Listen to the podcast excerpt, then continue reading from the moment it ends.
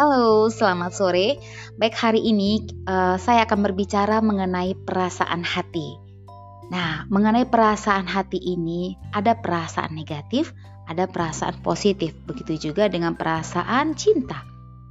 Cinta kadang membuat kita menangis, membuat kita tertawa, membuat kita sedih, bahagia, senang. Kadang terasa lucu juga sih, walaupun akhirnya dinikmati juga. Nah, sekarang kita akan berbicara mengenai perasaan benci. Menurut saya, benci itu adalah aplikasi dari perasaan tidak menerima, tidak menerima apa yang terjadi pada hidup kita, tidak menerima apa yang terjadi dengan keadaan, tidak menerima sesuatu peristiwa yang telah berlaku dalam kehidupan kita. Nah, jadi benci itu kalau semakin lama kita tanam, semakin lama kita diamkan di hati kita, itu akan menimbulkan perasaan dendam.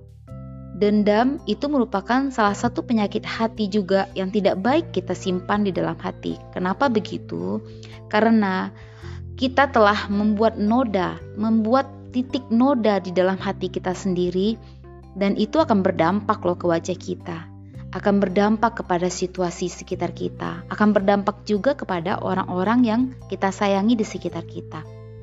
Contoh, di saat kita membenci teman di tempat kerja kita, mungkin orang tersebut tidak tahu kita benci sama dia. Nah, di saat kita menuju rumah, sudah sampai di rumah, kita telah berkumpul dengan keluarga, tiba-tiba kita akan menceritakan atau tiba-tiba orang kita benci itu menelpon kita kita nggak senang nih dia menelpon kita. Akhirnya apa yang kita lakukan?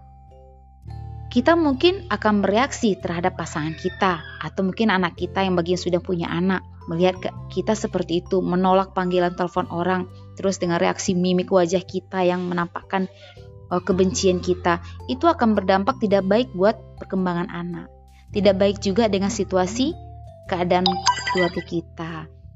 Mood kita pun akan berubah. Semulanya kita mungkin lagi happy, lagi bercanda dengan keluarga, tiba-tiba ada orang yang menelpon kita, yang kita benci itu menelpon kita, tiba-tiba berubah suasananya. Nah, itu kan tidak baik. Makanya, memang berat, memang sakit, memang gimana ya, memang rasanya tidak terima, tapi mau tidak mau harus kita ikhlaskan. Bagaimana cara mengikhlaskannya? Isa sudah. Kita berdamai dengan keadaan. Hal yang kita benci tersebut kita terima saja.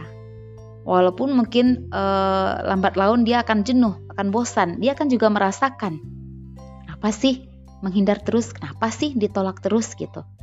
Telepon dia, akhirnya dia bosan, dia juga sudah lelah, ya udah mungkin tidak akan menghubungi kita lagi. Mungkin salah satunya seperti itu caranya, tanpa harus kita mengeluarkan ekspresi negatif terhadap keluarga kita sendiri, tanpa harus kita mengeluarkan kata-kata negatif terhadap orang yang kita benci tersebut. Mungkin itu saja menurut pendapat saya. Nah, ini menurut pandangan saya dari segi perasaan. Oke, kita akan ketemu di lain waktu mengenai perasaan-perasaan yang lain akan kita kupas juga menurut pendapat saya juga dan analisa-analisa yang ada di dalam kehidupan sosial. Terima kasih. Selamat sore.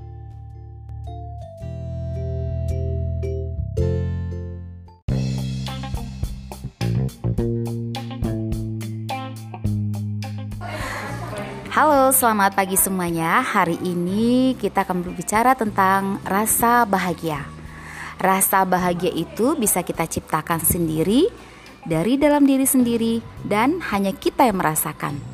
Kenapa saya ingin bahas rasa bahagia? Karena kebetulan hari ini saya di aktivitas saya di tempat kerja merasakan sesuatu yang melegakan yang membuat hati saya senang dan bahagia Nah, rasa itu bisa kita ungkapkan dengan teman kerja, dengan rekan-rekan kita di kantor, atau dengan saudara kita, dengan anak kita, maupun dengan pasangan kita. Jadi, rasa bahagia itu bisa kita ciptakan sendiri, dan hanya kita yang bisa merasakan sendiri. Baik, terima kasih telah mendengarkan uh, ungkapan isi hati saya di hari ini. Semoga kita dalam keadaan sehat, dalam lindungan Tuhan, dan tetap bersemangat untuk beraktivitas hari ini. Sampai jumpa. Halo, selamat sore. Kembali lagi dengan soal rasa. Kali ini kita bicara tentang rasa bosan dan juga rasa jenuh. Ini terjadi dan terjangkit pada saya saat sekarang ini. Kenapa begitu? Karena saya pribadi sebagai seorang pengajar di salah satu sekolah swasta dan juga sebagai orang tua bagi anak-anak saya yang juga bersekolah dan diharuskan kami untuk belajar secara online atau daring. Mungkin setiap hari rutinitas seperti ini dilalui juga menjemukan, melelahkan, dan mungkin yang agak negatifnya mengarah ke bosan. Kenapa saya bilang uh, bosan? Karena harus bicara sendiri di layar HP, senyum-senyum sendiri tanpa interaksi, apa, interaksi langsung dengan siswa, harus uh, mengejar materi yang rasanya kami masih ragu, saya pribadi masih ragu kira-kira siswanya ngerti apa enggak. Kira-kira peserta didik yang kami ajarkan secara online itu paham enggak yang apa yang kami ajarkan? Tersampaikan tidak? Karena kebanyakan tugas yang kami berikan atau mungkin guru-guru berikan di sekolah kepada anaknya rata-rata kebanyakan nih, tidak semuanya, kebanyakan orang tua yang mengerjakannya. Kenapa orang tua? Karena orang tua tidak mau diri dilibatkan dia apa di direpotkan dengan tugas anaknya yang harus oh, menunda-nunda mengerjakan tugasnya. Dan saya juga tidak menyalahkan orang tua, saya juga tidak menyalahkan peserta didiknya, karena ini merupakan pembelajaran juga pribadi bagi saya bagaimana kira-kira mengelola, uh, mensiasati agar peserta didik tidak bosan dan saya pribadi juga tidak bosan memberikan materi kepada siswa di rumah. Jadi berbagai cara telah kami lakukan, saya juga lakukan dan teman-teman lakukan untuk Bagaimana siswa di rumah tidak bosan atau tidak jemu? Salah satunya dengan video call. Nah, video call itu kan paling tidak ada interaksi langsung dengan anak, walaupun itu masih melalui uh, online. Paling tidak kan bisa tersenyum, melihat tawa anak juga, masih ada interaksi, masih ada bisa tanya jawab langsung dengan anak, melihat kondisi anak. Malah ada anak yang semulanya mungkin badannya kecil, sekarang sudah menjadi uh, apa?